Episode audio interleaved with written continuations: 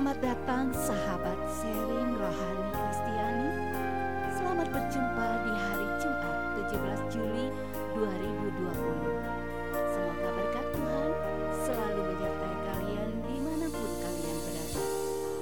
Bagaimana keadaan sahabat sharing rohani Kristiani?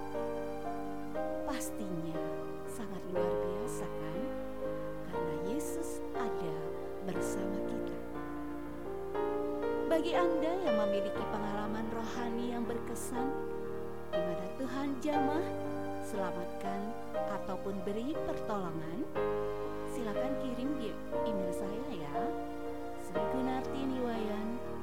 gmail.com Dan jangan lupa follow Instagram saya @niwayan_sri70. Bila teman-teman sudah mengirimkan pengalaman cerita Anda, saya akan membacakannya dalam podcast ini.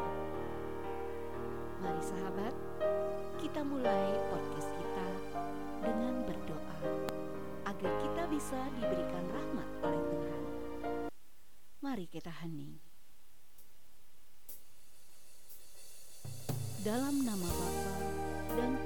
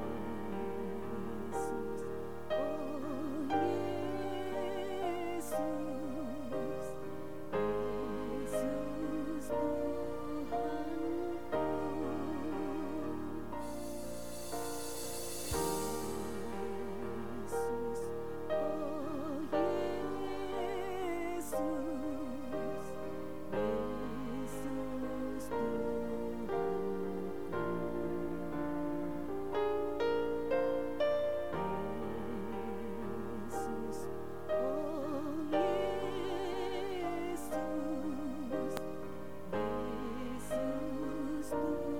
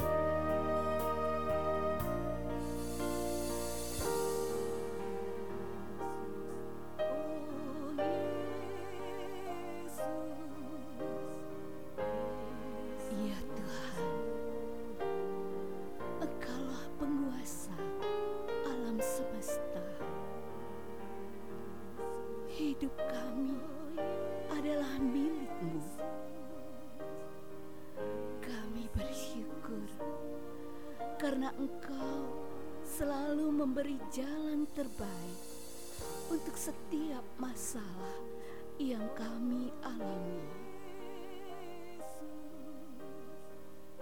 Bilur-bilurmu telah sembuhkan kami dan firmanmu telah kuatkan kami.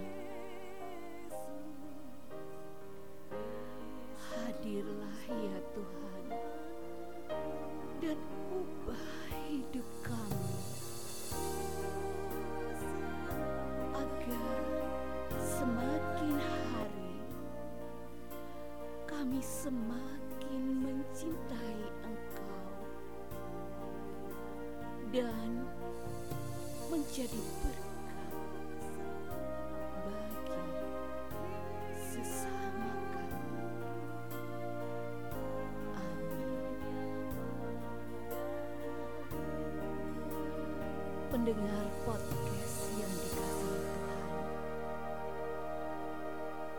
Pada kali ini saya akan membacakan sebuah pengalaman rohani yang dikirim oleh Laos Sofani.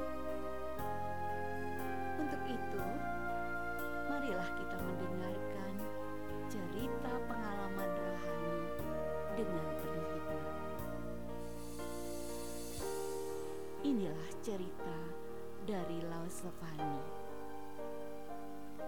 Saya terlahir di tengah-tengah keluarga yang berbeda agama. Papa saya beragama Katolik dan mama saya Konghucu. Dari kecil orang tua kami memasukkan kami anak-anaknya di sekolah Katolik. Sedangkan saudara dari mama dari kecil senang sekali membawa kami ke gereja mengikuti sekolah minggu. Dan siangnya mama membawa kami ke wihara atau terkadang ke kelenteng untuk beribadah. Begitulah saya tumbuh di antara dua agama. Sampai pada akhirnya saya memutuskan menjalani kepercayaan Buddha. Walau memutuskan menjalani ajaran Buddha, namun kasih Tuhan tetap terus ada dan bekerja dalam hidup saya dan membuat saya merasakan kebesaran Tuhan yang nyata dan ada. Saat itu, tahun 2016, di mana saya telah mengajar di sebuah sekolah kejuruan Katolik terbaik di Surabaya. Kata orang, saat muda kita banyak waktu, tapi tidak memiliki banyak uang. Ketika kerja, kita tidak memiliki banyak waktu, bahkan waktu untuk bergumul dengan Tuhan saja kita gunakan oleh hal lain yang menurut kita lebih menarik. Maka saat itu Tuhan menginginkan saya mengingat kebesaran kasihnya kembali dengan penyakit infeksi usus yang saya derita pada waktu itu. Semua dokter dan sinsei menyarankan saya untuk operasi saat itu. Namun, mengingat biaya operasi yang terbilang sangat mahal, saya mengundurkan niat saya untuk operasi dan beryakin teguh yang saya derita akan segera berlalu. Seiring waktu, saat itu para siswa saya menyadari ketidakhadiran saya di sekolah. Satu persatu mereka menanyakan keadaan saya, hingga Tuhan menggerakkan hati seorang siswa untuk mengumpulkan dana dari teman-temannya untuk biaya operasi saya.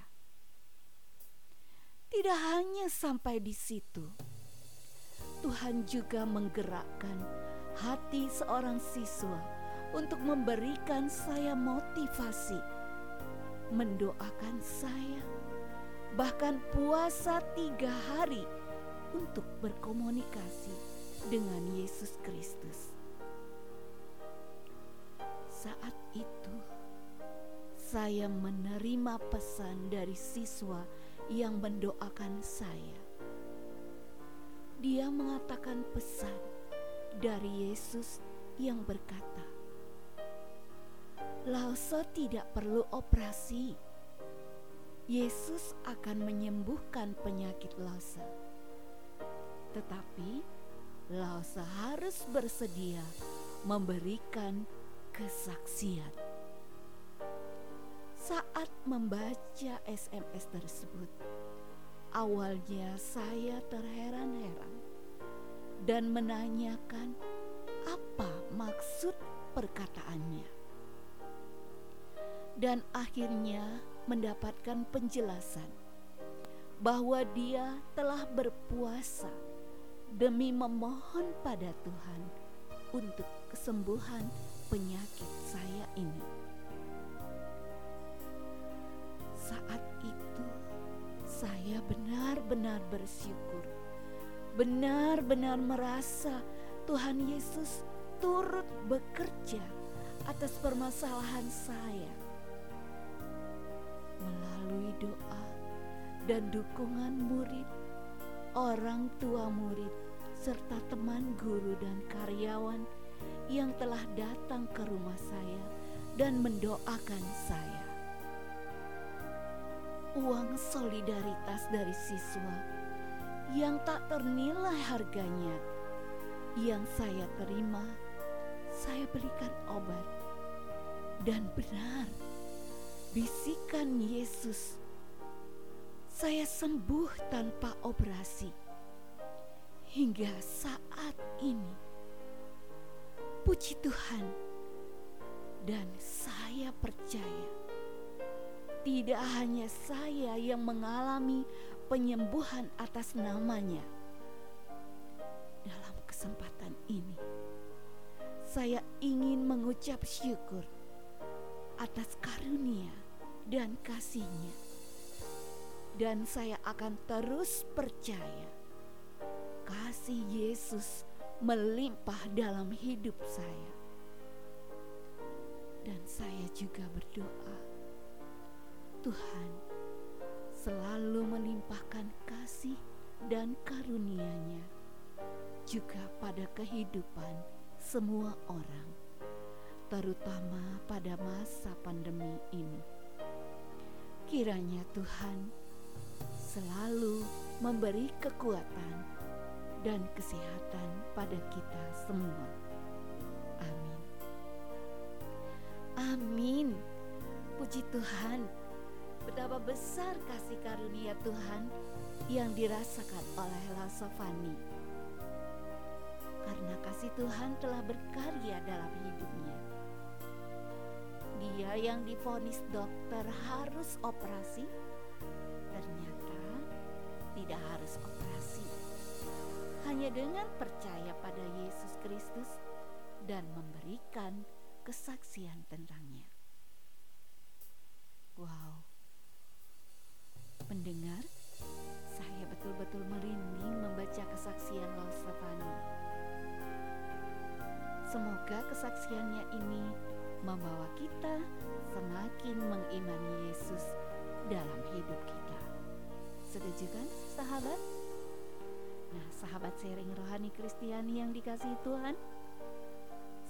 Membagikan pengalaman tersebut, saya akan bacakan Injil hari ini yang saya ambil dari Injil Matius bab 12 ayat 1 sampai 8. Inilah Injil Yesus Kristus menurut Matius. Dimuliakanlah Tuhan. Pada waktu itu, pada hari Sabat, Yesus berjalan di ladang gandum. Karena lapar, murid-muridnya memetik bulir gandum dan memakannya. Melihat itu, berkatalah orang-orang Farisi kepadanya, "Lihat, murid-muridmu berbuat sesuatu yang tidak diperbolehkan pada hari Sabat." Tetapi jawab Yesus kepada mereka, "Tidakkah kamu baca apa yang dilakukan Daud ketika ia dan mereka yang mengikutinya lapar? Bagaimana ia masuk ke dalam rumah Allah dan bagaimana mereka makan roti sajian yang tidak boleh dimakan, baik olehnya maupun oleh mereka yang mengikutinya, kecuali oleh imam-imam. Atau tidakkah kamu baca dalam kitab Taurat bahwa pada hari-hari Sabat imam-imam melanggar hukum Sabat di dalam baik Allah, namun tidak bersalah? Aku berkata kepadamu, di sini ada yang melebihi bait Allah. Jika memang kamu mengerti maksud firman ini, yang ku kehendaki ialah belas kasihan dan bukan persembahan. Tentu, kamu tidak menghukum orang yang tidak bersalah karena anak manusia adalah Tuhan atas hari Sabat. Demikianlah firman Tuhan. Syukur kepada Allah. Pendengar, setelah saya membacakan Injil Matius, saya akan pilih satu perikop yang berkenan di hati kita kita akan membacanya berulang-ulang dan menjadi penyemangat dalam hidup kita. Perikop tersebut sebagai berikut. Yang ku kehendaki ialah belas kasihan dan bukan persembahan. Yang ku kehendaki ialah belas kasihan dan bukan persembahan. Yang ku kehendaki ialah belas kasihan dan bukan persembahan. Yang ku kehendaki ialah belas kasihan dan bukan persembahan yang ku kehendaki ialah belas kasihan dan bukan persembahan. Mari kita akhiri podcast ini dengan doa penutup. Dalam nama Bapa dan Putra dan Roh Kudus. Amin. Allah sumber kehidupan kami. Alangkah besar kasihmu kepada kami. Hari ini kami telah mendengar kesaksian dari saudari Lausofani. Semoga kesaksiannya ini memberi semangat supaya selalu mengandalkan Engkau dalam Kami mohon, sertai kami, anugerahkan kami kesehatan, keselamatan, dan damai sejahtera. Semoga Lausafani semakin dikuatkan dalam kasihnya kepadamu. Dan semoga kami semua selalu mendapat berkat yang berlimpah daripada Amin. Dalam nama Bapa dan Putra dan Roh Kudus. Amin. Demikianlah sahabat podcast sharing rohani Kristiani hari ini. Bagi Anda yang memiliki pengalaman rohani Kristiani, silahkan kirim di email saya. Terima kasih. Tuhan memberkati.